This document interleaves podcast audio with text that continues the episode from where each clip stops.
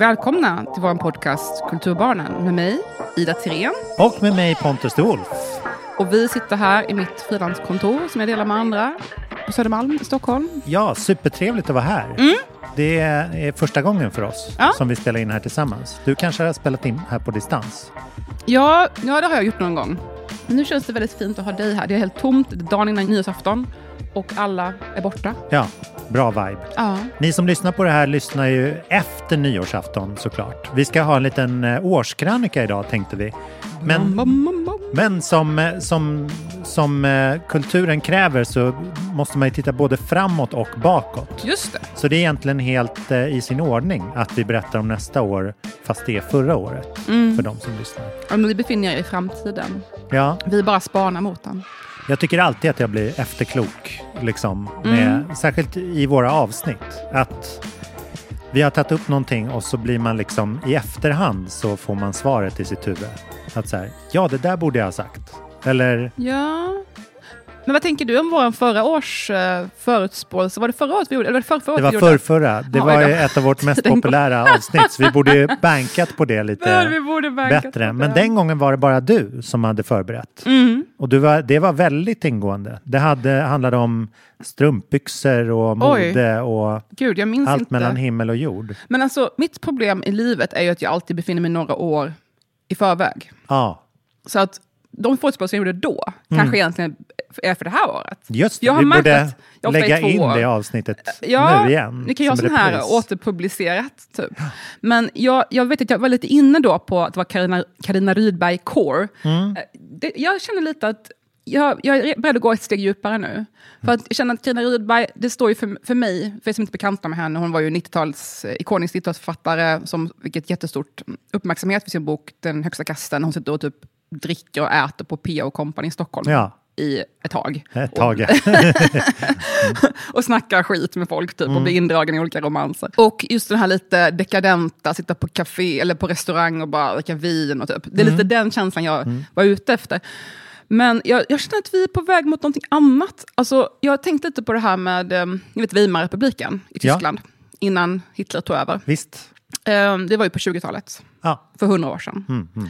Mm, Och för er som är bekanta med min, jag har skrivit, skrivit en bok förut som handlar mycket om 20-talet, så jag är väldigt intresserad av den här perioden. Men jag tycker att man har sett mycket av det nu. Alltså man kollar på så här, Ah. identitetspolitik och hela så här, metoo, alltså den enorma framåtrörelsen för både så här, hbtqi, för, eh, för transpersoners rättigheter, för feminism, för eh, svarta och rasifierades rättigheter. Alltså det har varit en otroligt våg framåt.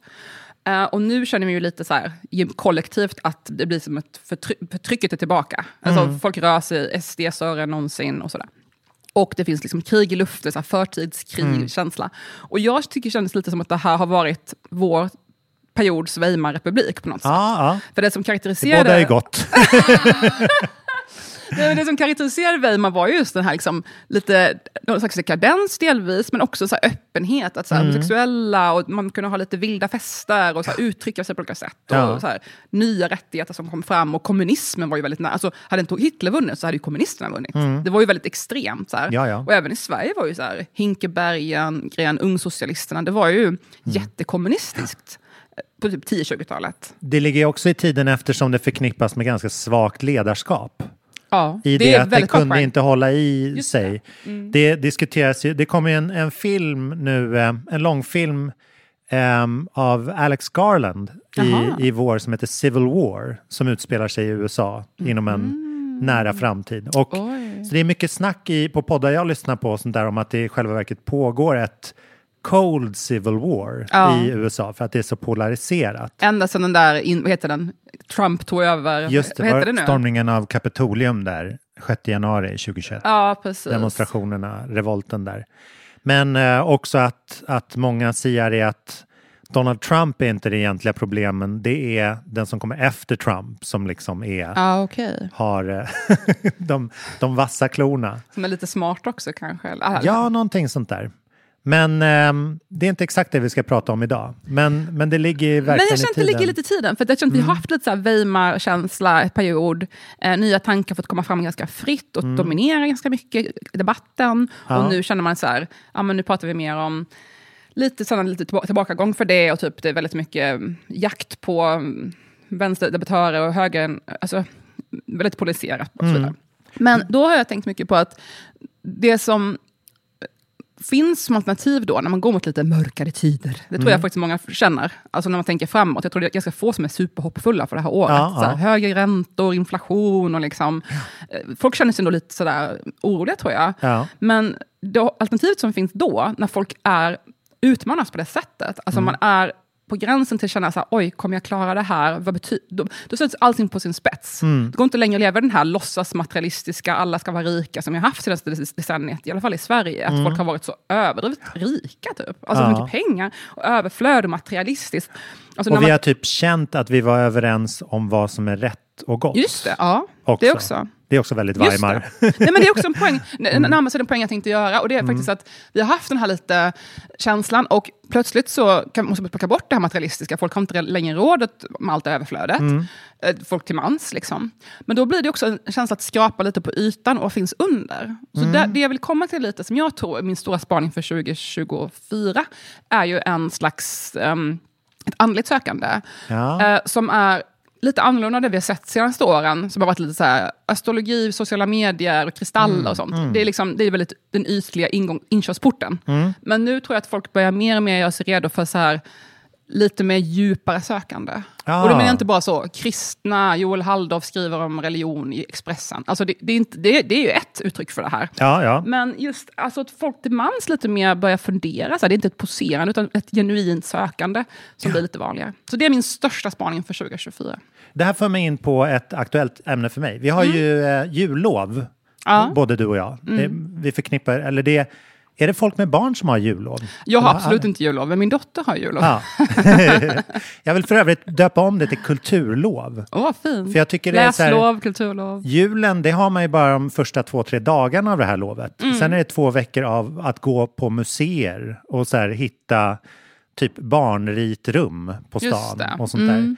Vi är så ofta på Moderna Museet nu att Lynn, min son, kallar det för det Derna Museet.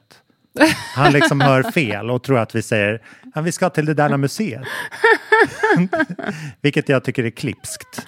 Det var som Ehm, när vi spelade När då då, det spelet, Ja. eh, under jul. Och min kille hade aldrig spelat det förut, så han trodde det hette När då då. Han trodde det var någon så avancerat Aha. eh, När då då. Afrikanskt eller franskt. Liksom. Oj, ja. Det är en spännande För vi sa det rytmik alltid, när då då? Ja, när man bara hör ett eh, ljud, ja. Typ som Kalle Ha. Alltså, Ja, han, visst, ja. honom blev det. Men så vi, vi säger att jullovet det är kulturlovet. Mm. Sportlovet och sportar vi inte, det är åka utomlandslovet. och eh, För man har råd. påsklovet är ju Gotlandslovet. Ja, för den här familjen ja. Ja, exakt. Ja, ja, ja. Okej, det här är lokalt. Ja, eh, nej, men det är mycket dyrare att sporta än att åka utomlands. Herregud. Alltså, ja, ja. Den traditionella. Varför man satte Okej. in sportlovet var att man skulle åka till fjällen. ja. Och det är det dyraste man kan göra nu, vågar jag Ja. påstå. Ja, nej, jag... jag ehm, ja, okej, jag förstår dig. Men jag tänker att jag har ju absolut inte råd att åka utomlands på sportlovet. Och, Mm. och framförallt för att det är mycket dyrare på sportlovet. Ja, Alltså det blir ju, priserna går ju upp. Men jag har satt min dotter på, hon ska gå på filmläger på Kulturskolan. Åh. Att hon gör film. Ja, alltså på dagarna. Så Ja, sig man fantastiskt. film. Mm, Perfekt. kultur. Hur som helst. Ja, men, och jag har ju också inte haft lov helt, utan jag har jobbat, jag har hoppat in på ett, ett eh, podcast-vick. Eh, inte att jag spelar in, men utan att jag klipper för Perfect Day. Det här härliga mediehuset. okej. Ehm, och har fått en, för att det är ingen som har liksom krävt eh, jazzjulband den här vintern för att alla företag, jag brukar ju vanligtvis skapa events i december och november för julbord och företagsfester och sånt där. Det är ingen som har haft det i år. Så att, eller ett, ett fåtal har. Men, Är det sant? så att jag har suttit in och klippt istället. Vadå, för att de har nedskärningar typ? Eller? Ja, precis. Aha, Man ska Okej. liksom spara in. Ehm, men då, jag, jag kan faktiskt komma med ett litet tips om, eh, om man känner sig just orolig i dessa tider. Så har jag klippt en eh, podcast som Kristin Kaspersen gör. Ja, Ehm, TV4-profilen. ja precis. Var det. Fångarna på fortet? Hon har gjort massa, Ja. främst Nyhetsmorgon och senast Let's Dance. Så att hon är liksom in och ut ur Men kulisserna hon är väl där. kulturbarn också? Väldigt mycket. Lill-Babs. Lill-Babs, just Ja. det. Mm. Ehm, och eh, eh, hon gör en, en intervjupodd på typ en och en halv timme som heter Nyfiken på. Där hon intervjuar intressanta eh, filurer. Och hon, eh, nu igår då, om vi hinner släppa det, men på nyårsafton i söndags så släpptes ett eh, avsnitt med en tjej som heter Anna Tebelius Bodin som är hjärnforskare. Som precis har släppt en bok som är jätteintressant som vi kan prata om i ett senare avsnitt om eh, inspiration kontra eh, motivation. Vad som så här, sparkar vår inspiration och hur man förvaltar det. Det. Och inte bara blir torsk på den Ja, här liksom, ingångs... Ah, nu är jag så inspirerad, nu ska jag förändra Ja. mitt liv. Och så Ja. gör man ingenting.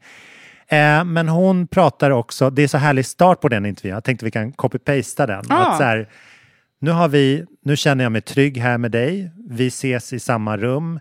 Vid det här laget så har våra hjärnor liksom läst av varann och våran puls har förmodligen synkats. Ah.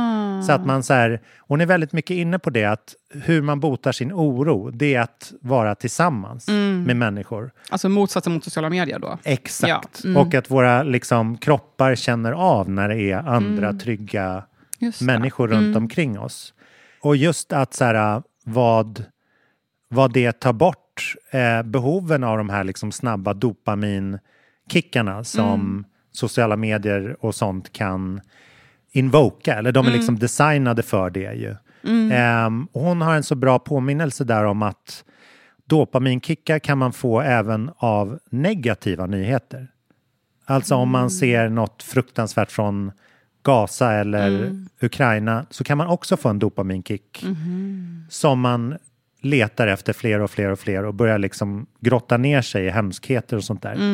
Och då är ett sätt att stilla det att man, eh, att man delar den oron med andra människor. Dels för att man känner sig lik andra människor. Man känner en gemenskap om fler är oroliga. Och man känner också att man vet lite mer än andra. Om man kommer med de värsta nyheterna. Liksom. Ehm, och det, det är så sorgligt att liksom våra sociala medier har hamnat där. För det är lite, en av min spaning är ju något vi ofta åt, återkommer till. Just liksom sociala medier. Ehm, tillsammans med det här så läste jag också en intervju i DN med en kanadensisk techjournalist som heter Cory Doctorow häromdagen. Som just nu är ute och föreläser med en bok ehm, om just så här, techindustrin och de sociala medieplattformarnas kommande fall. Ah, visst brukar han skriva i New Yorker? Eller? Ja, precis. Mm, jag brukar läsa honom där. Ah, Ja. mm. väldigt skicklig på det här. Och han, han förutspår, just eftersom så här, vi är inte ute efter att hitta glädje och gemenskap och egentligen information som är relevant på sociala medier längre. Utan det blir bara liksom Twitterbråk om småsaker. Man typ sätter upp att man är vänster eller höger i sin profil och sen så bara argumenterar man ganska tomt över ingenting. Var- jag blev så här, jag blir, ibland blir jag frustrerad över att kalla mig vänster för att när, när debatten blir så här, ja, en Timrå-liberal lägger upp en bild på en tom champagnehylla och skriver det här är skit, typ. dåligt att det är utplockat och så vet man, han är för då avreglering av Just. Systembolaget. Och så blir det ett bråk om att så här, du är så jävla barnslig och så här, du, Ja. du ska bara, det är bara du som har råd med champagne. Och så, som att det är politik. Ja. Liksom. Att det blir så här småsint och då blir jag så här, "Ah, höj nivån Jo, för min och allas skull. Liksom. men samtidigt är det ju de här små sakerna som um, arenan finns för diskussion. Alltså man, vet, det finns ett citat, jag tror det, ehm, det sägs att Foucault besvarade en kritik han fick mot sin forskning när folk som sa så att ehm, hans texter utmynnar i ett generellt förkastande av allt. Och då sa han så här. Poängen är inte att allt är förkastligt, utan att allt är farligt. Vilket inte är exakt detsamma som förkastligt. Om allt är farligt finns det alltid något vi kan göra. Alltså, man, man kritiserar typ Foucault och sådana här teoretiker så är det ofta att ja, men man plockar upp så löjliga små saker. Det betyder ingenting. Champagneflaska betyder ingenting. Men, men jag tänker att för det är ju de här små punkterna som vi hittar spelarenan. Kolla på kultur så är det ofta små saker man diskuterar. Fast det handlar om något större. Ja, visst. Det blir ju symbolfrågor och symboliken i det också. Ja. Men det är också en, en liksom konsekvens utav den här... Alltså man gör ju egentligen inte så stor skillnad. Alltså det blir en känsla av att göra skillnad. för att man hittar en gemenskap Jo, i ett klagande till exempel. Eller ett sånt där, en oro eller en bitterhet över någonting. Och så är det, det blir lite så här eh, opium för folket. Mm. Liksom. Att, ja ja, men krafsa runt där ni, nere ni, så, så sköter vi de stora frågorna. Liksom, Nej, men det är väl lite den här kritiken som har funnits mot just den här nyss nämnda identitetspolitiken. Mm. Att det har varit dels en sån slags, vad de kallar det för, Minority Olympics, eller vad är det de säger? Att man så här, vem som den mest kränkt vinner. Liksom. Ja, Ja, ja, men jag ja. är det här och det här och det här. Du. Då kan man inte argumentera emot det. Nej. Om jag påstår att jag har vissa, tillhör vissa grupper eller sådär. Och då blir det som att man... ehm, och det har ju såklart varit, varit en kritik som ofta kommer. Mm. Eh, men också att det finns ju någonting behagligt med att känna sig lite offer. Alltså det är ju lite ja, skönt visst. att så Ja. känna att okej, det är faktiskt inte mitt fel att saker Mm. inte blir som jag hoppas. och sådär. Så det är ju, jag tänker att man, någonting man får ständigt navigera, det är någonting jag navigerar hela tiden. Att vara kvinna och förtryckt, det har jag ganska länge sedan släppt.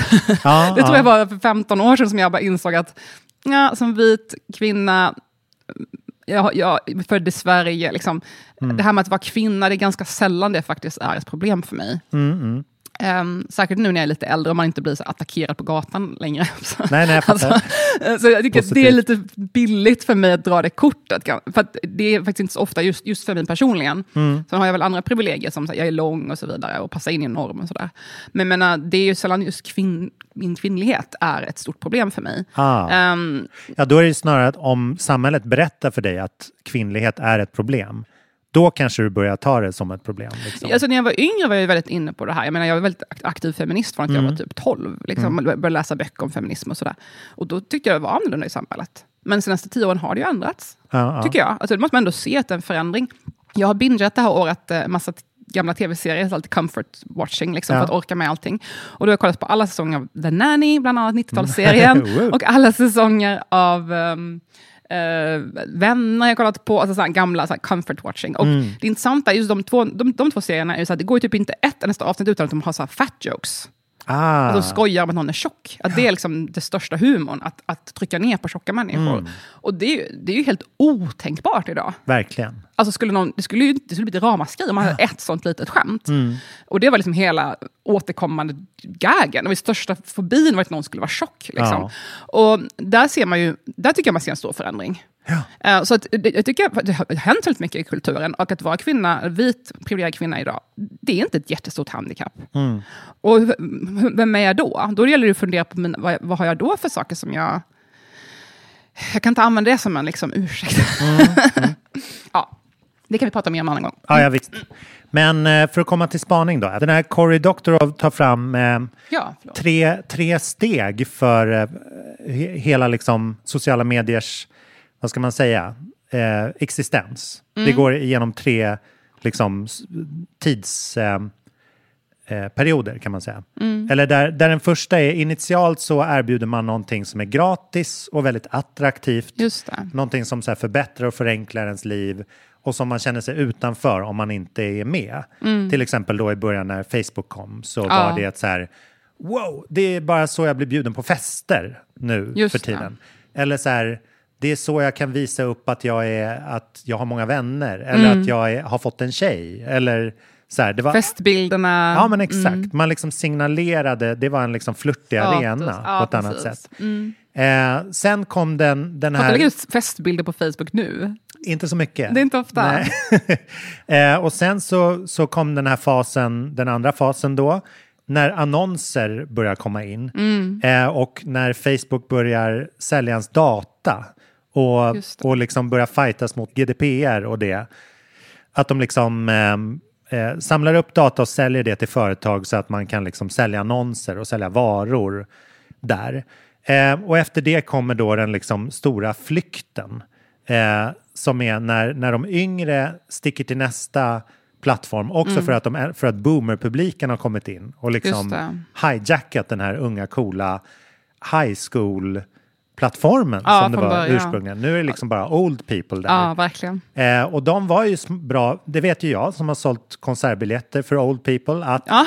att den, det är en fantastisk annonsmarknad om man säljer något Ja. för den. Man Liksom. vill nå 40 plus. Ja, men den 50. är till exempel värdelös när jag ska sälja min popmusik. För Ja. det hänger ju inga unga människor där. Nej. Jag kan ju bara få ryggdunk av de som var med på 70-talet. Ja. Och det, det ger inte mig något liksom, kommersiellt Mm. värde. Eh, men då så sticker de. Och sen ju fler... An- festbilder på Instagram istället. Ja, exakt. Mm, Och då ju fler, ju fler eh, användare som lämnar Facebook eller liksom inte, an, inte reagerar på de här ann- annonserna Mm. så blir ju plattformen värdelös även för annonsörer.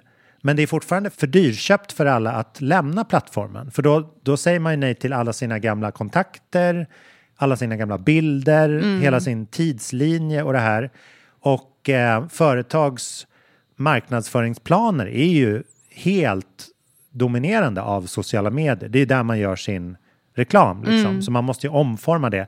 Och då blir det bara kvar en hög med skit. Som liksom är... Det är en gravplats. Ja, det är en, någon har myntat termen en shitification. Som en liksom, att det, det blir mer och mer shit. De här plattformarna, Mm, just ju det, det har längre tid de håller på. Och i DN så översätter de det till sugifiering. liksom. Okej, Eh, ja, ja. Inte lika kul. Nej, det var inte lika kul. Tvåan är alltid dålig. Men då, då är ju frågan så här... Jag uppskattar att de ändå försöker översätta. Ja, precis. Och vi har ju på, det är ju en följetong här att vi följer min, min eh, TikTok, eh, min, min sena entré i den. Jag kan säga att vissa saker går bra, andra saker går inte bra. Eh, när jag liksom når, verkligen så här som du har varit inne på, när man ger någonting som andra kan göra till sitt eget där. Det är Mm. liksom hela det som den plattformen liksom rör sig mot. Ja, Eh, jag man svarar på det liksom. Exakt. Ja. Jag kan liksom erbjuda för, eh, för Beatles-fans på TikTok så kan jag filma av huset där de körde sin sista spelning och så här, brukar ni också gå hit ibland? Och så repostar alla det. Och så här. Men medan jag går på kanske ett museum i Stockholm och filmar av tavlorna, det flyger inte. Okej. För då är det liksom bara jag som, som, det är bara jag som kan visa mig i det. Jag visar ju bara mig själv där. Jag erbjuder ju inte andra någonting Ja, okej. att liksom sätta in sig själv i. Ja, Och det är väl väldigt mycket den, den liksom, typ point of view. You. exakt. You're at the museum in. Ja, ja men precis. Nej, men det, då får man lägga på egen speakerröst kanske. Det, dit har jag inte kommit ännu. Eh, men det ska bli intressant att se vart den plattformen går mot. För att för bara någon vecka sedan så lanserade de nämligen för oss eh, konstnärligt aktiva inom musik ett så här artists for TikTok for artists. Så nu har jag liksom, då fick man registrera sig som artist och nu det innebär att jag kan så här plantera min egen musik, lägga den så här först på min profil. Att jag har en artistprofil som liksom, ehm, det här är den musiken, jag använd gärna den. Så. Ah, Och även där är instruktionerna att så här, gör någonting kul till din musik som andra kan härma. Såklart. Liksom. Men att man ska, de vill ha även de liksom, kreatörerna inom musik, att det ska bli ens bärande plattform. Och framöver så förväntas det även bli en ren liksom, musikplattform. Att Det man går full lyssnar... circle från Musical.ly var ju det ur- ursprungliga namnet. Just det. Sen till TikTok, nu är det tillbaka till musik. Ja, nej men att, att man så här, man, jag, jag håller på att gradually går in i att så här, ja men jag ser det som en släppplattform, precis som Spotify. Att liksom, bara att där kanske jag skriver ett litet pianostycke och så här spelar upp. Eller så här, som någon tipsade, så här, gå till en flygplats och finns det ett ledigt piano så ställ, ställ upp livesänd det. därifrån. Och så här, alltså att man, man gör lite mer performance av, det ska inte vara den här liksom gyllene snittet perfekta studio-releasen. Nej, man gillar ju känslan av att det är någonting äkta där. Som man, återigen, lite det jag var inne på innan, man längtar lite under ytan, alltså Ja. lite bortanför fasaden. Och någonting som man får känsla av att man själv har upptäckt. Liksom. Ja. Så att det här skulle lika gärna kunna vara jag som förmedlar vidare. Mm. Eller också den. den man... Jag ser också hur min dotter interagerar med, hon får inte ha TikTok men hon kollar på YouTube Shorts, vilket ju är typ samma sak, men Mm. kanske något, något mindre vulgärt, jag vet inte. Ah, ja. Men ehm, då, liksom, det är mycket så här, åh jag måste supporta den här. Alltså Ja, den här känslan ja. att man är en del av att stötta, man tycker något är bra, vill man Ja. liksom supporta det. Och att man själv är delaktig. Mm. Så även om man, man kanske inte tänker så här, det skulle kunna vara jag, det kanske man tänker ibland, men också bara så här, jag vill vara delaktig och stötta upp det. Mm. Just det, den, mig. den är beroende av mig. Ja, och så tycker jag att jag kände på Instagram för kanske fem år sedan. Mm. När det började, Instagram blev, mer och mer en politisk plattform. Och jag Ah. lärde mig, eller aktivistisk plattform. Mm. Och jag lärde mig väldigt mycket om, så här, eh, om antirasism och eh, liksom, kolonialism och sådär, antikolonialism. Det var mycket sådana diskussioner, i alla fall Mm. i, mina, mitt, i mitt flöde. Och jag lärde mig väldigt mycket om det. Och då kände jag verkligen att, att mina, mina eh, tummarna upp, eller mina hjärtan spelade roll. För jag hjälpte till att i- olika idéer. Att det kände fortfarande för att, och det finns människor som idag är jätte, jättekända, som jag följde när de hade här, 2000 följare, och nu har de så här, t- 20 miljoner. Alltså, Ja, ja. ehm, jag minns till exempel Holistic Psychologist som gö- gör såna här inlägg om eh, liksom, läkande mm, trauma och så vidare, psykologi Ja. och sådär. Och jag följde henne och hon hade kanske, jag vet inte, tusen följare. Och, sånt. och så höll jag på att kommentera och puffa upp och dela och liksom, sådär. Och sen så vet jag att jag skrev till henne en gång, bara, ah, men du borde verkligen skriva en bok. Och hon bara svarade, bara, nej men gud, hur ska jag göra det? Så här. Och så tipsade jag om en redaktör som jag visste. Nu har hon sålt så här, mest i världen. hennes bok har ju Oh, wow. sålt typ, jag tror hennes bok har varit den bäst säljande i USA typ senaste åren.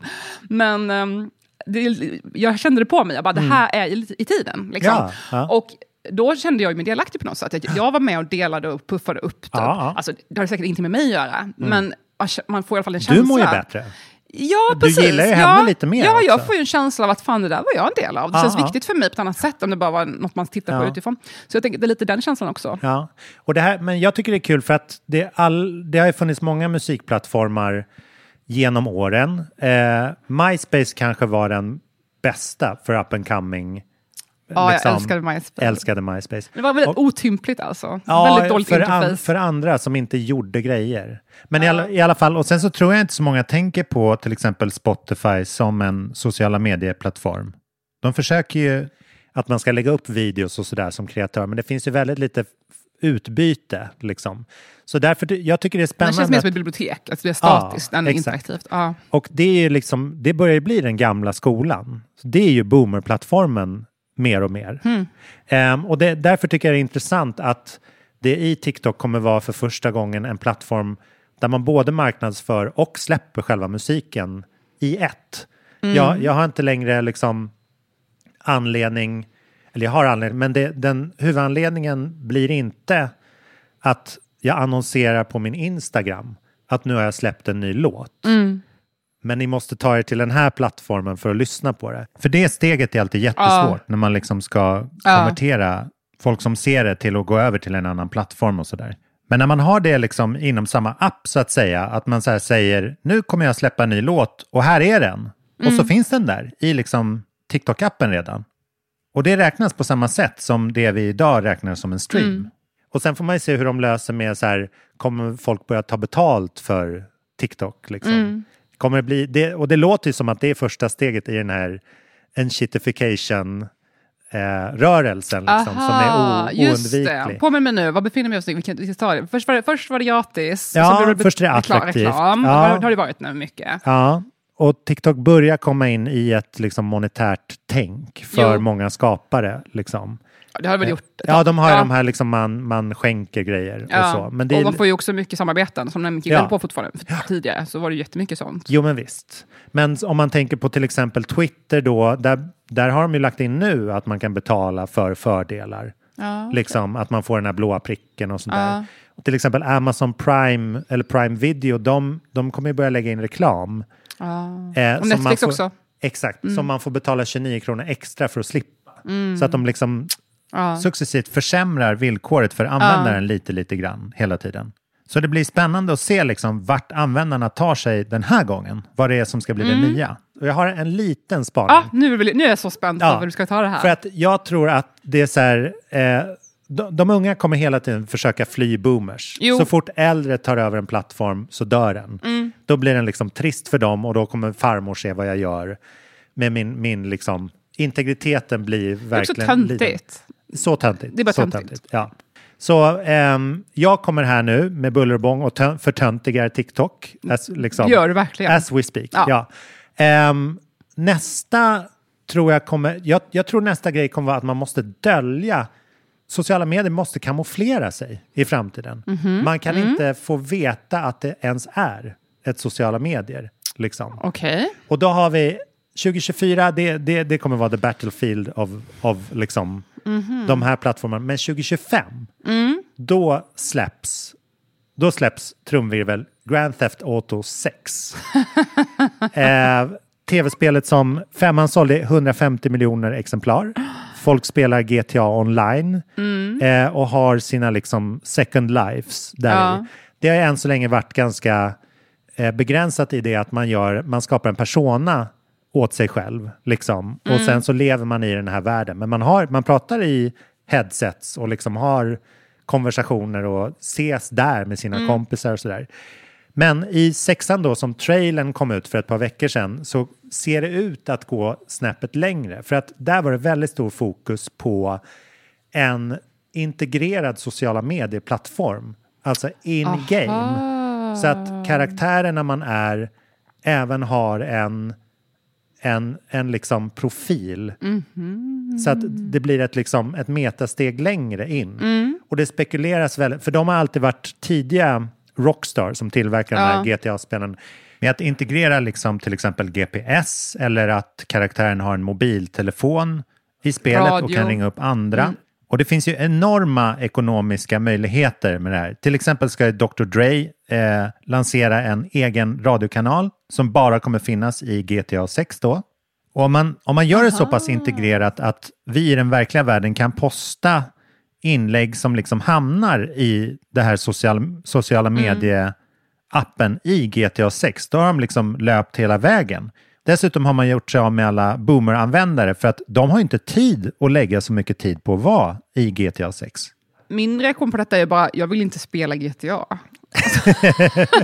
Alltså, du jag har inget emot det, men jag har Ja. inte tid. att- Jag vill, ju bara, jag vill ju bara ha informationen, jag vill inte gå igenom ett spel. Nej, nej, nej, men du, kan ju, du kanske slipper spela det. Du kanske bara har appen i din telefon. Ja, okej. GTA-appen. Så att du be- det behöver ju inte vara saker som händer i spelet. Ja. Ut, men det finns även i spelet. Så att Mm. Ja. du kan liksom ha det framme medan du spelar. Alltså, jag väntar ju fortfarande på min vision om ett soci- sociala medier som jag nämnt förut i podden. Jag har tänkt på typ i ett eller två år nu. Mm. Eller mer än ett, för jag, just, jag pitchade in det till min kompis som är techperson förra vintern. Så det måste ha varit... Spännande. Mm. eller bara på, på en fest, alltså inte seriöst. Um, men jag har haft idén kanske två år. Men jag har en väldigt tydlig vision om sociala medier som är en plattform där det finns flera liksom flikar. Typ. Att man kan ha en flik där man bara följer så här, artister eller kändisar, så man vill bara se vad de lägger Ah, ut. ja. Typ, så här. Om det är en spelning som jag vill gå på så kommer det upp där som ett Mm. kalendarium nästan. Och så har man en flik som är typ så här, mina kompisar statusuppdateringar. Mm. Och så har man kanske en tredje, så här, folk jag följer. Alltså det är inte typ nära vänner och vänner. Alltså man har liksom flera flöden samtidigt som alla man kan ställa in själv. Ska det vara kronologiskt? Ska det vara algoritmen? Vill jag Mm. få tips eller vill jag bara få det i ordning? Väldigt så här open source-igt. På något Typ. sätt. Alltså Ja. det låter som MSN. Eller vad, het, vad hette det där? ICQ? Nej. Ja, ja, men visst. Nej, men alltså jag vill, jag vill ju veta vad mina kompisar lägger upp. Nu får jag ju inte se det. Nej. På något forum egentligen. Det finns Nej. ingen plats att välja så aktivt. Jag vill få uppdateringar i, i realtid. Liksom. Nej, men folk har, det har ju blivit så avancerat så att man kan ju inte skriva en statusrad längre. Alltså, man kan ju göra det, men det är ingen som ser det. Och folk är ju inte särskilt tränade i det heller. Så här, ikväll åt jag tacos, mm, det var så gott. Nej, men alltså det, det där, mina mest framgångsrika Facebook-poster är ju typ sådär. Ja, ja. Men, men eh, jag, jag är ju tillbaka full circle på Facebook, som jag nämnde tidigare. Jag har ju gått hela varvet runt med alla sociala medier som finns. Och jag är bara så här, det här är underbart, det här är en grav, grav graveyard. Det, Ja, händer, ja. det händer ingenting, jag blir inte triggad. jag mår inte dåligt av att läsa, jag blir Nej. aldrig irriterad. Det finns ingen i min ålder där, det är bara en massa gamla släktingar typ. ja, ja. Jag tycker det är perfekt. Jag är väldigt low stakes. ja verkligen. Today.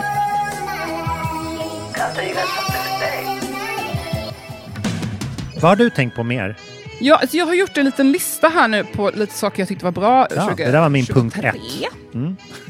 Eh, vi kanske går tillbaka till um, spaningen för nästa år. Men jag tänkte bara titta tillbaka lite på det här året som har varit Ja, vad och vad som var bra. Eh, jag har faktiskt sett en film igår, förrgår, som jag tyckte var en av årets bästa filmer. Jag såg det på Facebook. Ja, du det postade du, om det. jag Ja. säger det! Alltså, man, ju enklare status, desto Ja. Mer går den bra på Facebook. Min Facebook-status som Pontus refererade till var, jag har sett, ta det här tipset, gå till bio, se filmen Monster, läs inte på någonting innan. Ooh. Jag kommer inte säga någonting nu. Det är japansk film, den har vunnit priser, bästa manuset i Cannes. Den är skriven av otrolig, så här, alltså Japans typ Aaron Sorkin, alltså Japans mest kända tv-författare. Ja. Och regisserad av en av Japans största regissörer. Som Okej. annars brukar skriva filmerna själv. Men Ja. nu har de så här teamat upp så här, ett dream team. Otrolig skådespelare, otroligt manus. Alltså, men som sagt, jag visste ingenting när jag gick in i det här. Mm. Och jag tror att det är den bästa ingången faktiskt. Så den hamnar direkt på en årsbästa lista. Oj, vad kul. Det handlar om två, kortfattat om två unga killar i Japan. Otroligt, alltså Ja. otroligt bra. Sen tyckte jag också om eh, två andra filmer som jag såg på bio i höst. Fritt fall, den här franska filmen. Jag vill inte hypa den för mycket, jag tycker Mm. att den har varit lite hypad. Men den, den är bra. Eh, sen har vi Past Lives, den här sydkoreanska amerikanska filmen som handlar om en, kvinna som, en sydkoreansk kvinna som flyttar, till USA. Och, eh, det är lite Woody Allen fast sydkoreansk på något sätt. Alltså jag, tyckte den okej. var, jag tyckte den var väldigt fin. Så Ja. de tycker jag man ska kolla på.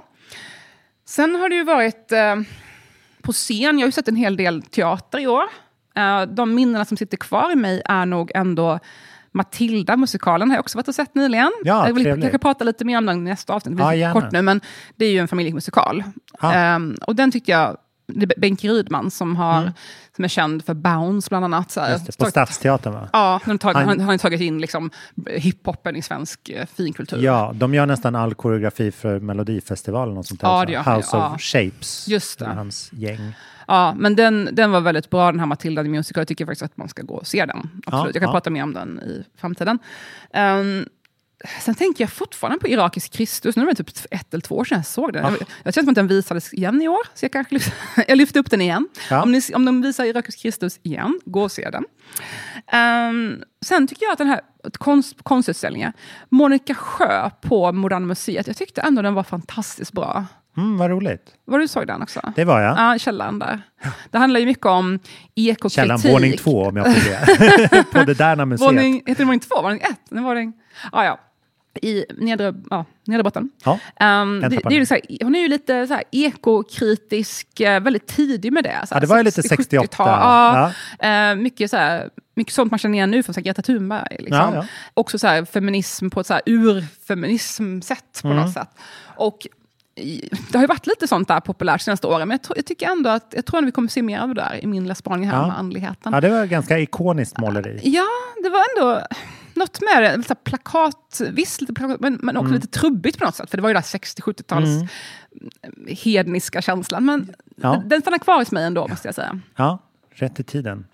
Det har varit ett roligt bioår på så vis att det har uppehållits nästan enbart av kvinnliga besökare. Eller det har varit Bio? en, en, exakt. Det har varit en stor trend att Oj. många fler kvinnor har sökt sig till bio. Jaha. A. Genom Barbie, just filmen, men B. Genom Taylor Swift. Aha. Och, sedermera Beyoncé. Just det. Det är en stor, stor trend som Så folk... yngre För att, ja, för att det har ju varit lite så här äh, bekräftelse av att, att superhjälte, Ja, just det. Marvel, Just det. storslagna, det, det börjar dö. Liksom. Ja. Dels är det så låg kvalitet att det, det får bara skit överallt. Det blir liksom inte så minnesvärt. Och det är men, sequels och prequels. Och, ja, och det är så dyrt att tillverka att de får, de får inte tillbaka pengarna. Liksom. Ah.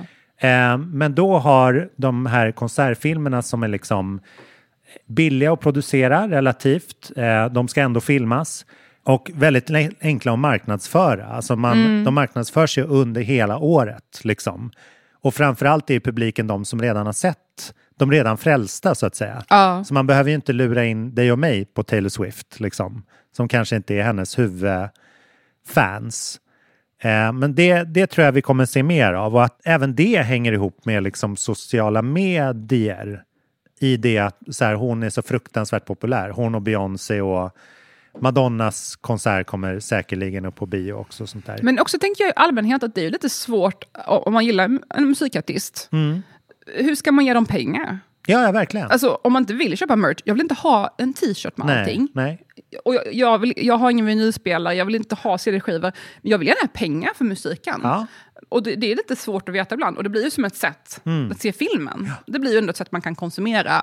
Ja, nej men det, det är två, ungefär två år sedan i januari som jag, som jag återväcktes musikaliskt när jag var och såg The Smile, Ja, Radiohead-bandet så länge sedan. Ja. i London. Mm. Det var precis efter jag hade haft covid och precis innan Ukraina-kriget. Så det var mina, Två år sedan. mina som three weeks of heaven. Det kan man, det kan man lyssna på Ja. i vår podcast. Ja, Nej, men de, de annonserade att de skulle släppa musik och veckan efter hade de sitt showcase Och så åkte jag dit och såg det genom en jävla tur hade jag för att få biljetter. Och då, då gick man ju och såg den här, var helt frälst och sen två timmar efteråt så fick man filmen. Alltså det filmades och så fick man en länk till så här By the way, här är livestreamen. Så här, här är konserten du såg. Så har man ett minne för livet plus att jag såg typ om den med en gång. Oj. Alltså man blir så attached till det minnet då. Att man liksom... Alltså jag skulle gärna se om typ alla konserter som jag har varit på. Jag tror det du är lite inne på här är just lite det här också att upplevelsen. Alltså Ja. Det är mycket det som är man rör sig mot. Ja. Eh, Att man vill ha den här känslan av här, gå in i en hel upplevelse. Det räcker inte bara med en, ett format, man vill ha alla formaten på en Ja, gång. det engage- engagerar ju verkligen alla sinnen också. Och att du sitter där och får samma puls som de andra. Nej, exakt.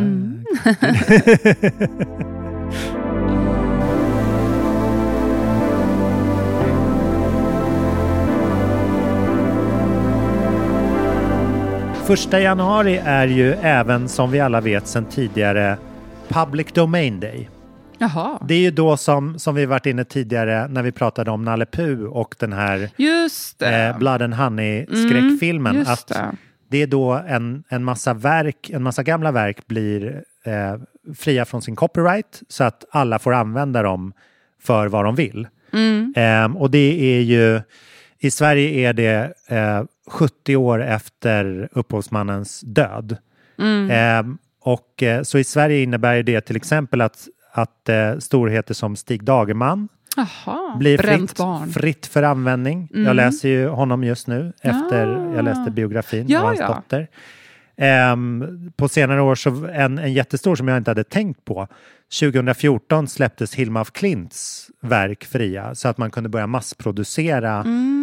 Posters och sånt där. Så att det, det är ju självklart, självklart så måste man ju vara den som fotar av konsten. Just det. Men Mm. det är ju i samband med det som det kan bli en stor boom för Just det. någons liksom grejer. Så nu får man liksom ta Stig Dagerman-verk, skriva om dem, eh, använda poesin som låttexter utan att fråga. Ja. Ehm, och, och, men det är, ett, det är ett ännu större år i USA, för att där brukade det vara 70 år.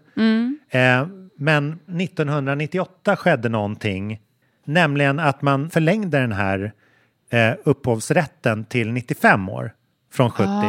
För att det var ju nämligen 98 som eh, den första, första framträdandet av Musse Pigg skulle ha släppts fri. Ah, var Den här, Disney som fick igenom det här? ja, den här Steamboat Ah, okej. Willie-sketchen när han syns för första gången i en animerad film. Eh, så att den, den hette något så här, The Mickey Mouse Act eller något så här, för att det förlängde det för alla konstnärer då. Men nu har det gått 25 år till, så nu är det 95 Oj. år sedan Steamboat Willie gjorde debut. Okej. Så nu när ni lyssnar på det här så får man alltså använda den första svartvita versionen av Musse Pigg i vad man vill. Så spring ut och starta ett Disneyland i trädgården. Exakt. Det har ju till och med liksom eh, börjat, börjat användas. Till våren så kommer ett spel som heter Mouse. Där man springer runt i en svartvit Aha. animerad eh, mafioso-värld och är, är en mus som Oj. skjuter pickadoll med fingrarna så här. Pjom, pjom. Väldigt cartoonigt. Hmm. Eh, men jag tycker alltid att den här, det är en väldigt spännande skifte liksom Mm. i, eh, i kulturen att det här finns. För att det är ju någonting som vi liksom alla verkar med stöd utav, att ingen får stjäla våra verk, men det är även någonting som så här är kittlande när man får använda andras Mm. liksom, fritt och till vad som helst.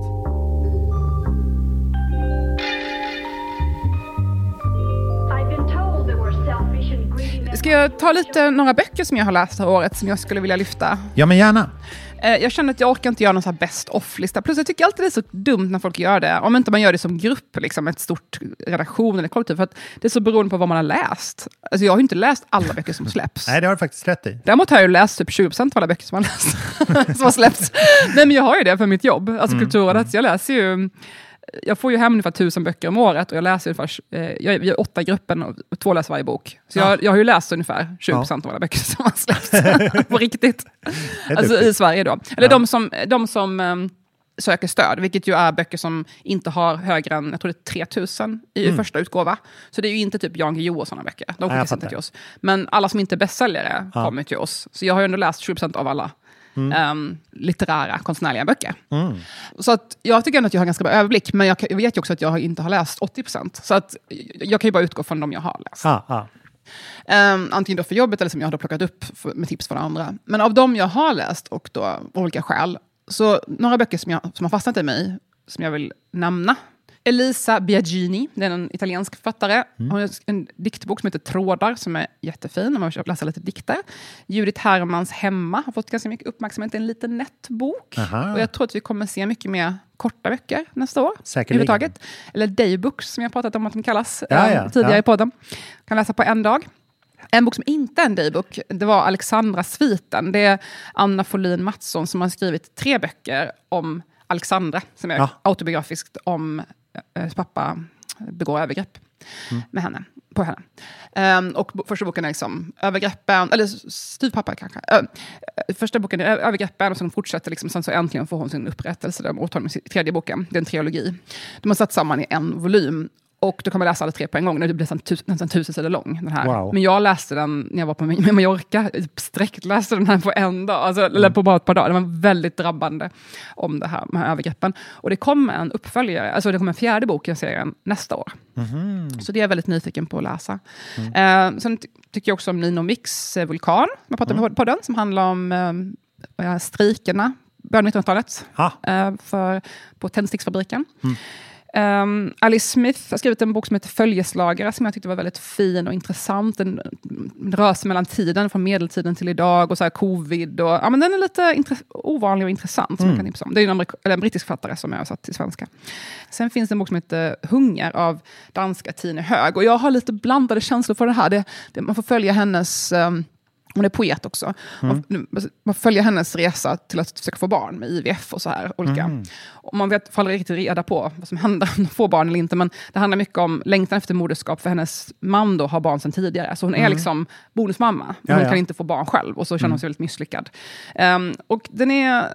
Den är jag, jag blandade känslor. Jag tyckte jag var lite väl redovisad i detalj om det här med IVF. Och, alltså det blev för mycket så detaljer, katalogisering liksom, mot tekniska och medicinska. Så jag tyckte tappade lite, var inte intressant för mig som läsare.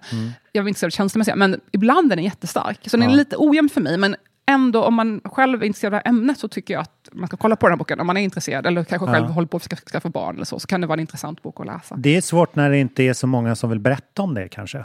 För att det, då får man liksom ta det man Jo, får. men är lite. det så intressant? Alltså att få alla detaljerna. Alltså det, här, det blir, Ja, ja, Eller, ja. eller kanske Nej, men hon kanske, säg att hon är den enda på stan som vill skriva om det här. Jo. Och hon, hon är en detaljmänniska. Ja, men då kan man tycka att om det ska bli en poetisk verk, alltså skönlitterärt verk, Mm. då kanske det inte är lika... Det, det sänkte lite, Ja, det, det fattar. På vad man lägger, och den skriver Mm. lite som en, ganska så här diktartat, ska säga fragmentariskt, men Mm. då passade det inte, tyckte inte jag riktigt passade in med de här eh, redovisningarna. Nej, så det nej. blev lite så här, jag, jag tyckte, jag hade lite blandade känslor, men Ja, jag jag vill tipsa om den om man själv eh, håller på med det där kanske. Då Okej, kanske det var en intressant bok att läsa. Eller bara om föräldraskap i allmänhet. Ehm, sen har vi en, bok- en, annan dansk som heter Ida Maria Hede som har skrivit en bok som heter Bedårande. Jag måste plocka fram den ur hyllan. Bedårande heter den. Du ser här omslaget Pontus, det är Oj, väldigt ja. speciellt. Det är någon slags blod. Det handlar också om föräldraskap ehm, mellan två vuxna då, och ett barn. Och det är liksom en dik- mer som en diktaktig, prosalyrisk Lite ovanlig, men intressant. Ja. Kanske inte en sån där bok för alla, men för de som är lite intresserade av konstnärliga och poesi och sådär. Så Ja. jag tipsa om den här. Ehm, sen läste jag Anna Fox bok. Hon har ju fått ganska mycket uppmärksam- uppmärksamhet för sina böcker. Har du läst någon bok av henne? Nej, inte alls. Hon har vunnit, jag tror hon vann- någon August. Eller hon har varit nominerad i alla fall till olika priser. Och sådär. Hon har skrivit en bok som handlar om Estland på 90-talet, så här punkare. Och det var ju ganska ovanligt att ämne. Ja, verkligen. Väldigt intressant och mycket research. Också svajade lite mot... eh, Det, hängde inte, höll inte riktigt ihop för, för mig personligen. Men jag vill ändå lyfta fram den, för jag tycker att den var väldigt intressant i ämnesval och detaljer och sådär. Så Är man intresserad av punkare i 90-talets Estland, Ja. skriven av en svensk, tycker jag man ska kolla in den. Alltså. Den hade sina... Ja, jag vet inte. Det, det var lite... Vissa saker har jag invändningar, men jag tycker ändå man ska spana in den. Punk är liksom ett skört ämne nu för tiden. Det, de sitter, jag berättade tidigare om de här punkarna som sitter på Götgatsbacken och, och sjunger Staten och kapitalet och sen har en skylt där det står swisha hit. Då vill jag bara liksom gå fram och it. ge dem en hurring och säga att så här, Swish är bankväsendets oss satans verk. Ja, ni kan inte liksom promote, ni kan inte vara punk och promota en liksom, nej, du förstår vad jag menar. Men jag, ja. Däremot tycker jag den här folkpartisten som skrev Hitlers kuksugare på Nationalmuseum häromveckan var, det var ju väldigt punk. Oj, det har jag missat. Alltså en väldigt, eh, han, han misstänks vara i en psykos, men alltså Aha, en, oj, en, en riksdagsman från så här 10-15 år sedan som även jobbade i EU. Eh, misstänkt för, för att ha, han tycker att Nationalmuseum eh, symboliserar den svenska staten och, och ja, vad kan det vara? Nationalromantiken. Ja, nej, men liksom, det var ett politiskt statement att Oj. skriva Hitlers kuksugare. Men jag det, får det, googla. jag tyckte det var uppfriskande ändå. Även fast jag älskar Nationalmuseum. Jag Alltså lite rock'n'roll. Ja. Alltså, det är så här, En, just en ex-politiker som tappare. Ja. Det har någonting. Det är liksom det, från det, förr. ja, jag gillar det. Alltså, Det är upp till kamp. Ja, men det, de, man, bry, man engagerar sig i alla fall. Ja, man är ja. inte försoffad. Punken har det svårt. Det finns ingen sociala medieplattform för punk. Nej, men däremot för Swish. Och det här Wow. faktiskt tänkte jag på senast i morse, apropå dolda sociala medier. Ja. I USA, amerikanska versionen av Swish är ju Venmo. Och jag hade Venmo när jag bodde i USA. Och då, jag vet inte, de kanske har bort, tagit bort det nu, men länge hade de en funktion man kunde välja så social Venmo. Så man kunde se vad ens telefonkontakter swishade folk om de valde att det skulle vara offentligt. Så jag kunde se att så här, någon kille jag hade gått på dejt med en gång swishade sin roommate för Oj. hyran. What? Gud Det blev vad... som ett sociala medier. Så här. Man har någons nummer, plötsligt ser man vad saker de lägger ut. Man måste välja aktivt då, att det här skulle vara ja. liksom, så här, oh, thanks for the massage, typ. Och så kunde man se så här, 70 dollar. Gud vilken så här soft inställning till eh, pengar. Ja, men det är lite så här, Ja. Jag tänkte på det i morse, bara, det här är verkligen så bara i USA. Ja, det är väldigt tabu tror jag i Sverige. Att, så här, har ni swishat Ida Pontus Ja, 500 särskilt med så här swish och massage på sistone är också Ja, så det här, är lite... bla bla bla la till 30 euro på swish. Inte bra. Det var även punkt den här skådisen som greps häromdagen för att, eh, på Arlanda för att ha hash i sin väska på väg till Amsterdam. Det tyckte jag var jävligt bra. Det finns någon så här death defiance i det också. Why? Alltså verkligen så här, varför? Ja, men det är society is crumbling. Men det kanske är på ett bra sätt. nedvända världar. Ja. Var det dina böcker? Ja, jag ska bara nämna några till kortfattat här. Ja, tack. Kristina Katarina Kesselholt, danska, också mycket danska, danska ja. författaren som har fått jättemycket uppmärksamhet de senaste åren för sina böcker. Mm. Jag har inte läst dem, jag har läst hennes senaste bok som heter Sopa ihop löv mot vinden. Och hon skriver bara så bra, typ. alltså, så här, lite Ja. poetiskt och lite... Bara kolla in henne om du är nyfiken. Mm. Um, sen har vi en, en annan eh, poet, Ni Aikwei Parkes, kanske? Uttalat. Och han har skrivit en diktsamling, som heter Jeez. Och den är lite jazz. Det känns som att det låter som jazz. Jag kanske kan ge den till Oh, dig. kul. Ja, men det är väldigt annorlunda. Ja. Alltså, han har, nu minns jag inte vilket land, men han har Det är lite beatnik, mixad, typ. Ja, men han har mixad bakgrund. Brittisk, det var så länge sedan jag läste den, brittisk och något, något land i Afrika som jag inte minns nu. Förlåt, Mm. jag har li- läst lite många böcker. Men jag gillade att den här var lite annorlunda, hade lite jazz, ja men lite beat kanske man kan säga. Ja, Ja, men ja. lite jazzkänsla. Ehm, den tyckte jag var kul och ovanlig. Eh, sen också bara för att, nu kanske den kom 2022, men Oceanen av Steve Sem Sandberg, jag vet inte, den kanske kom... Den, den är värd att nämnas. Den är värd att nämnas. Och slutligen då, en väldigt, kanske den mest lättlästa boken på den här listan. Det här var lite mer, nu vill jag lyfta, lyfta fram lite böcker som kanske inte annars syns. Ja, ja, sådär, ja. Som man, jag tyckte ändå ja, försvunnit lite. Ja. Ehm, men, och så vill jag också säga, Karl Koffi Ahlqvist, Ingen ro om natten, den har jag redan pratat om i podden. Mm. Den handlar om en kille, en svart kille i Malmö som säljer sex i Danmark. Och den tyckte jag också var jättebra. Men den har fått ganska mycket uppmärksamhet också. Eh, och en liten diktsamling till, Juris Kronbergs På balkongen, en lettisk poet som var jättefin också. Men nu kommer den lite mer lättlästa boken, om man vill ha en. Mm. Den jag tycker man ska plocka upp om man vill ha en. Dels den här dataspelsboken som jag nämnde förra gången. Um, Ja, ja. eh, Vad heter Ja, den? men utveckla det. imorgon, imorgon, imorgon. Ja. Men också Egendom av Hernan Diaz som vann Pulitzerpriset. Mm. Eh, Den kom ju på svenska. Heter ju Trust på engelska. Ja. Eh, den är bara, vill ni läsa en trevlig bok som är bra, garanterat ni kommer gilla. Läs den här. Alla den. Tack för mig. Det här var Idas bokgenomgång för året. Skulle du säga att någon av de här böckerna platsar i en framtida svensk litteraturkanon? Alltså det är den. Jag träffade på en eh, bekant till mig som sitter med i Augustprisjuryn. Och vi pratade lite. Och jag ska inte hänga ut någon här, men jag fick lite känsla från henne också att det finns ju inte så där vansinnigt många bra svenska romaner. Det är ju alltså, det kommer ju mycket böcker, men nästan alla känner jag så ja men den var bra, men Menar du nutida romaner? ja, liksom? ja. jag känner sällan att jag känner så här, oh my god. Ja. Alltså det är oftast någonting jag tycker så här, mm. Och som sagt, då får jag liksom hem alla böcker som släpps. Mm, Och det är sällan jag känner att något är så här full poäng. Men, men det, det är egentligen inget illa ment mot någon. Det är bara så här, det är så svårt att skriva en roman. Ja. Det är fruktansvärt svårt. Så därför när man pratar om kanon, det är svårt att jämföra så här, när folk ska kritisera svenska debutanter, skriva kritik. Ja, men du kan ju Mm. inte jämföra dem med Kafka, för att, du kan inte jämföra dem med klassiker. För att det här är ju inte samma sak. Nej. Och ska man bara göra det, då kommer man tycka att allting är skit. Ja. De är inte, det är ju väldigt sällan det kommer en bok som är en klassiker. Så därför kanon, jag vet inte. Jag, jag kan inte säga att jag kommit på någon sådär, om jag tänker efter de senaste tio åren vad som skulle vara i kanon, jag kan inte komma på någonting. Nej. Jag undrar lite vad folk, för vi, vi skrev ju lite till varandra när de utlyste den här presskonferensen och vad de sa på Om den. kanon, ja. Ja, om att införa det. Ehm, det var ju kul för de hade ju de bad ju allmänheten komma in med tips typ. Och då skojade vi att ja, det gör man ju när man själv inte har läst så mycket böcker. Tihi, tihi. Kommer du ihåg att vi skämtade så? Jaha, du menar, ja Ja, precis. det var ju kul. Ja. Eh, Men så jag tänkte vi kan skicka in en lista här nu Nej. från Kulturbarnen. Åh, vad svårt. Men, nej, jag ska, vi skiter i det. Men jag, eh, jag tänkte på så här, när jag kom... För de var inte så bra på att förklara varför vi ska ha ett gemensamt Ja. litteraturkanon. Förutom så här luddiga formuleringar att det kanske så här, för en nation närmare varandra. Jag kan väl förstå så här, gemensamma värderingar kanske på något sätt, men jag vet inte. Ja. Kultur, kultur ska ju inte vara uppbyggligt på det sättet. Kultur ska ju vara också frå- ifrågasätta. Så Ja. jag vet inte. Jag var, när jag pluggade engelska litteratur i början av 2000-talet, då blev jag introducerad för vad litteraturkanon var för någonting. Mm. För att det har man ju, i England och USA så har man ju sammanställt kanons. Det, är- Ja. det är ju inte en Eh, det är inte, det är inte som de sju, världens sju underverk att det är skrivet i sten. Utan Nej. Det omformas ju hela tiden och är egentligen, man, ska, man ska egentligen förstå det som ett liksom grundverktyg.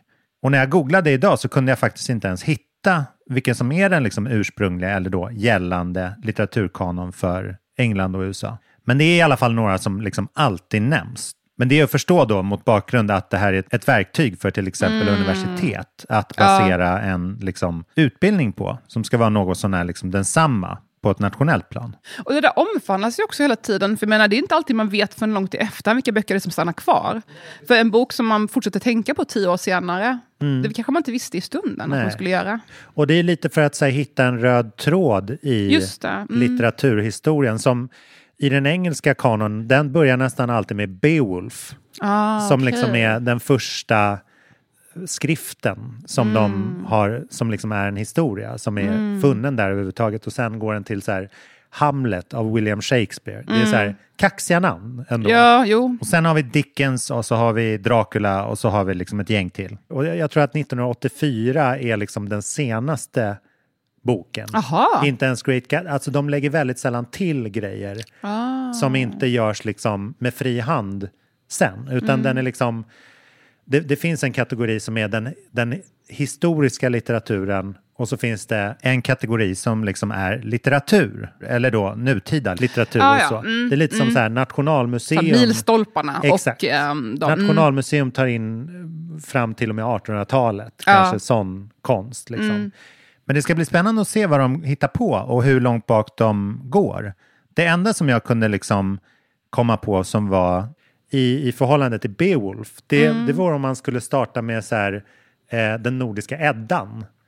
Just det, ja, men det är bra poäng. 1220 av Ah. Snorre Sturlason. Så den tidens Ingvar Kamprad eller någonting sånt. Snorre, undrar om det kommer tillbaka. Det det är inget dumt namn alls. Det kan man säkert kränga dyra högtalare till hipsters med. Eller så här beanies eller en keps. Men sen får man ju göra ett jättehopp på liksom 400-500 år till Bellman. För att hitta liksom mm. nästa person som inte översätter testamenten. Liksom. Ja. Och sen, sen har man liksom Lagerlöf och man har Stanelius och Astrid Lindgren. Sen får man någonstans sätta stopp efter modernismen. Man kanske tar med liksom Per Lagerkvist och Boye. Lars Norén kanske som den absolut sista. Men om man ändå ska få ihop en svensk litteraturkanon så tror jag ändå att man måste liksom kasta sig mellan ganska många genrer. För att Mm. inte fastna i bara liksom Stockholmsskildring och så var det förr i tiden på landet-skildring. ja. Strindberg, Strindberg, båda. Victoria Benediktsson. Nej, jag vet inte. Ja, men som sagt, nå- någonting blir ju en klassiker först i efterhand. Ofta vet man ju inte förrän långt senare vad det är som kanske inte var helt rätt i sin tid, men som var rätt egentligen. Ja. Så att säga. Och ehm, som sagt, jag minns, man minns ju kanske långt efteråt vad som, som är kvar i mig. Ja, men just det du nämner också att det kanske inte släpps så jättemånga bra romaner. Och det är inget illa mot någon. Det är verkligen det är svårt. Ja, ja. Och som ett litet land så är det ju svårt att underhålla alla typer och former av eh, kulturella uttryck och litteratur och sånt där. Alltså det är väldigt svårt att dra liksom en röd tråd mellan då Selma Lagerlöf, erkänt bra författare, till så här, ja vad tar man sen? Sen var det liksom de modernistiska författarna, men de tog ju sina influenser någon helt annanstans ifrån egentligen. Och sen då, vilka, liksom vill, vilka vill mantla det ansvaret nu? Det var jag det. Det var du. Nej, men så att vi, vi har ju väldigt, väldigt lite röd tråd som, som en tradition av så här, som de har att man skriver liksom the great American novel. Det, det drömmer de ju om att, att återskapa hela tiden i USA och leta med ljus och lykta efter så här, nästa Joyce Carol Oates Ja. eller Jonathan Franzen. Eller så här.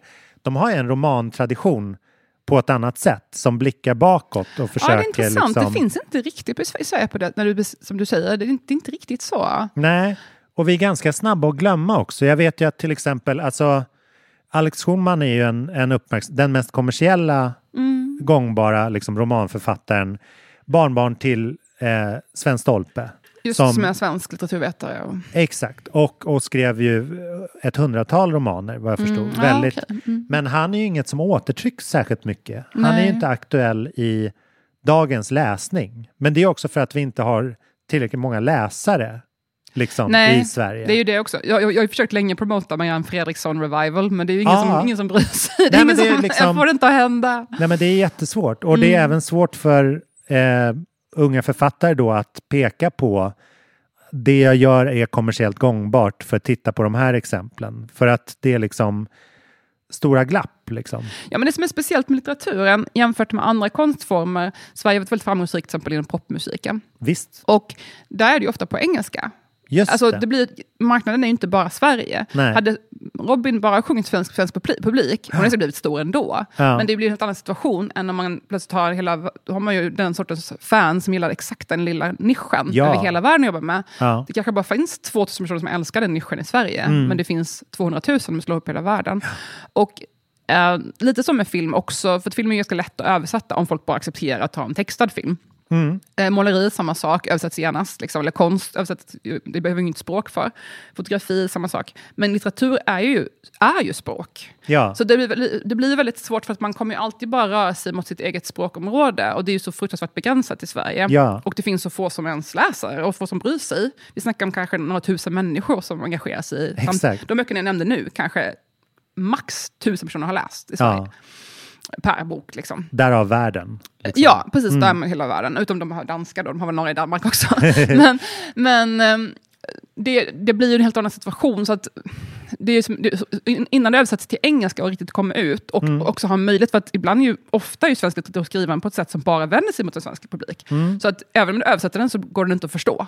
Den blir obegriplig utanför Sverige. Ja. För du ja. refererar till saker som ingen förstår. Du är med i en debatt som ingen annan Just utanför det. vet vad du Ja, pratar om. visst. Och det är ju problemet med mycket svensk litteratur, att den är så himla inåtblickande Ja. och inte ens försöker nå Ja. ut till denna publik. Ehm, och så där, därför blir det lite, skiljer sig litteratur lite grann från andra konstformer. Mm. För den är ju i sin natur liksom mer begränsad. Ja, men svensk kultur överlag är ganska svåröversatt. Som så här, försök förklara storheten i Håkan Hellström för en amerikan. Men det är ju Morrissey. Man kan ju bara göra en analogi. Okej, ja, förklara Morrissey för en amerikan. Nej, men så, is, he's this underdog, he's working class, he's this... Second Bruce town in... Ja. Men um, kolla på typ, Din- Dina ögon, de sjunger mycket på svenska, ändå blir de jättepopulära utomlands. ja, ja, verkligen. Så att, ja, det, det, ja, Det är musiken i ett universellt språk. det är va? lite så, och även konsten. Men Ja. litteraturen är ju inte det. Nej.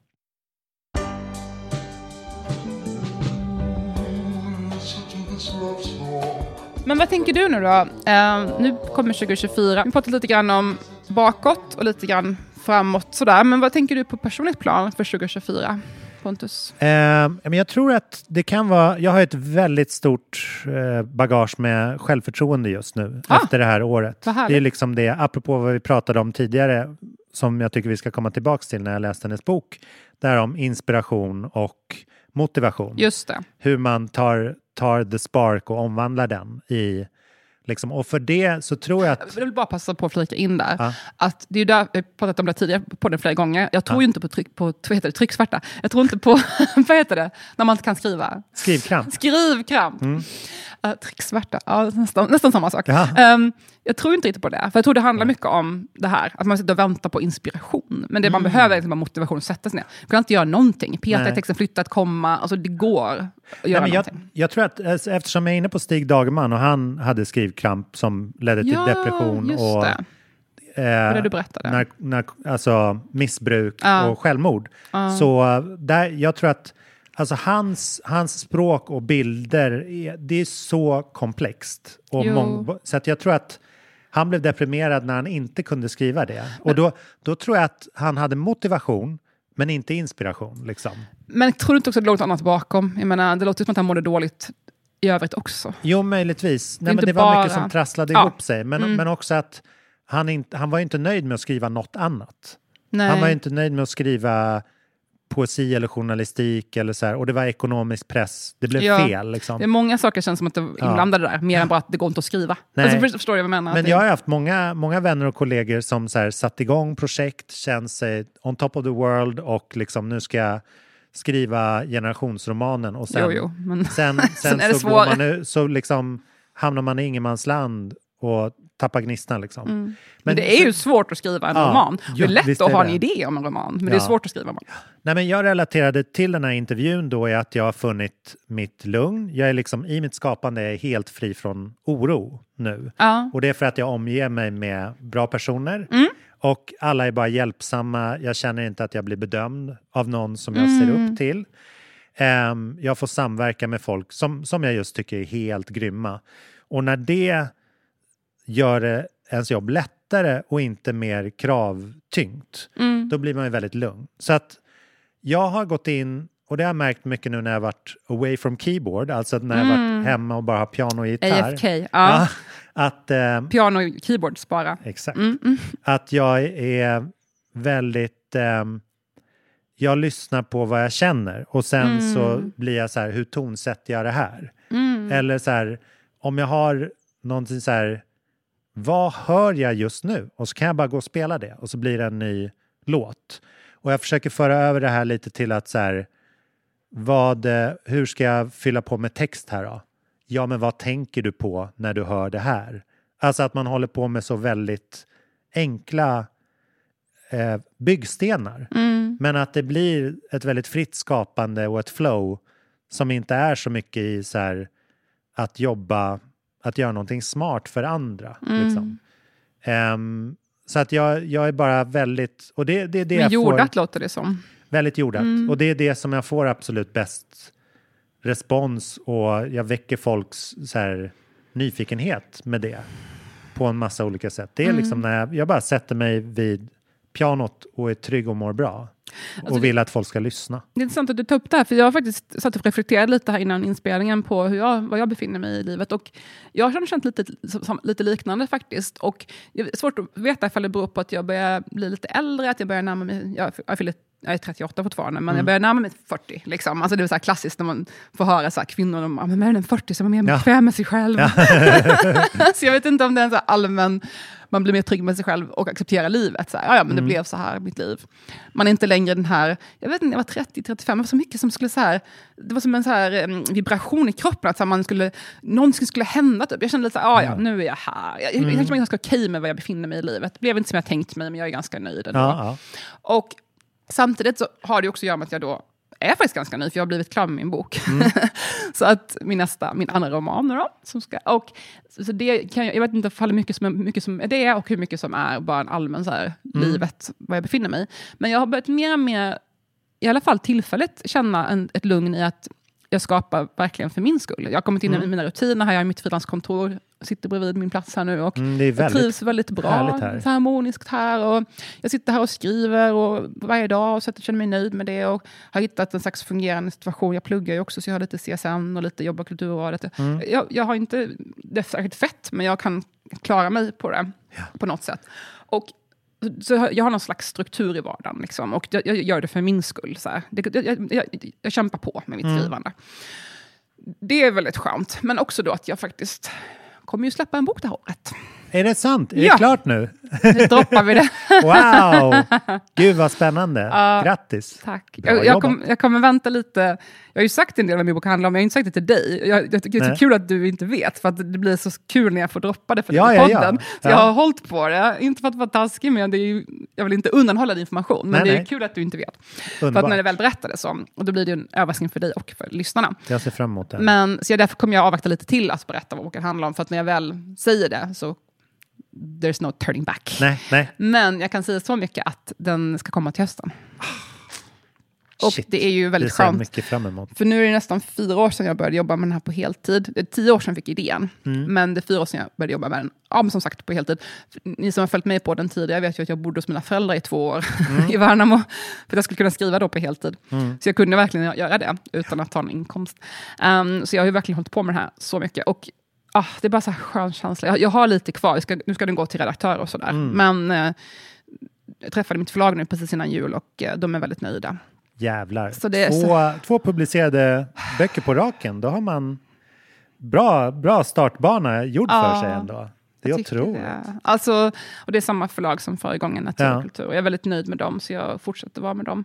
Nej, men det, ja, det känns väldigt spännande att det här ska hända det här året, men jag har också Mm. ett, ett lugn nu. Jag var inte beredd på hur det skulle vara att släppa en bok första gången. Jag var inte beredd på vad det innebar att vara debutant. Det var väldigt jobbigt alltså, och Ja. omtumlande. Och, Mycket förväntningar. ja, men det är så annorlunda. Mer förväntningar än, än vad som verkligen händer. Liksom. Exakt! Det var väldigt antiklimaktiskt hela grejen. Och ja, jag var inte alls beredd. Borde ha ett helt avsnitt om att handla om hur man ska hantera sin debut. För jag var Ja. inte förberedd.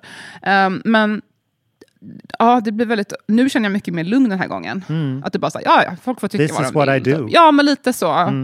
Nej, men jag, jag, det, det, jag, jag känner en ny trygghet. Jag har faktiskt redan börjat på nästa bok. Så att, Ja, samma dag började jag med nästa. Mm. Eller jag hade längtat efter att göra det så länge, så att äntligen fick jag så här, men jag har suttit med det lite grann vid sidan om, Mm. så jag, jag har kommit ganska långt nu på tredje boken också. Så att, eller jag har flera jag har typ fyra projekt på, gång samtidigt. Men Mm. det, jag känner en, ny- en ny lugn. Jag hoppas jag kan hålla med mig den här känslan in i 2024. Ja, det tror jag. Det ska vi se till.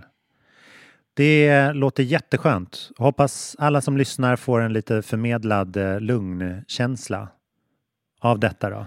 Livet blev som det blev och man Ni får, är man på får rätt. fortsätta. Ni är på rätt väg, våra skapande systrar och bröder. Och hitta den här balansen mellan motivation och inspiration. Ja. Man får inte vara för mycket inspirationsjunkie heller tror jag. Utan man måste också bara, ibland är det tråkigt och då måste man jobba ändå. Ja, men det är ju det. Och att jag kan, jag kan verkligen så hitta likheter bland allt möjligt. Alltså folk som bara blir nykära hela tiden. Just det. och liksom exakt. inte har några längre förhållanden. Det känns också som den så här, det är bara gnistan man är ute efter. Liksom. Det är väldigt Mm. Men det är ju vardagen som är så underbar. Och lugn. Ja. Att Ja, bara när man- fortsätta jobba och Verkligen. fortsätta När man älska. har fått upp en fart så är det väldigt fint. Nu Frukta jag- icke lugnet. Ja, Nej, jag ser lite mer fram emot det här året nu. Ja. Det ska bli mycket spännande. när vi pilar av skalet och går innanför ytan 2024. Ja, definitivt. Då önskar vi alla ett gott nytt år. Ha ett gott nytt år. Vi hörs framöver. Hej då!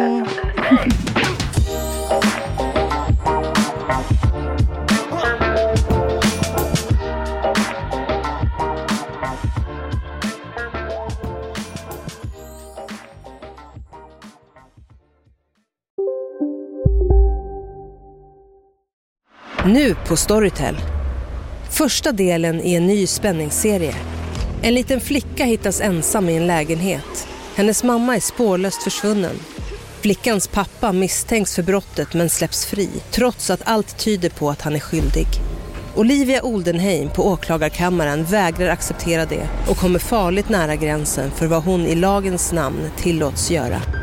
Lyssna på När allt är över av Charlotte Al-Khalili på Storytel. Hej, Susanne Axel här. När du gör som jag och listar dig på en av Krys vårdcentraler får du en fast läkarkontakt som kan din sjukdomshistoria. Du får träffa erfarna specialister, tillgång till lättakuten och så kan du chatta med vårdpersonalen. Så gör ditt viktigaste val idag, listar dig hos Kry. Välkommen till Maccafé på utvalda McDonalds restauranger med Baristakaffe till rimligt pris. Vad sägs om en latte eller cappuccino för bara 35 kronor? Alltid gjorda av våra utbildade baristor.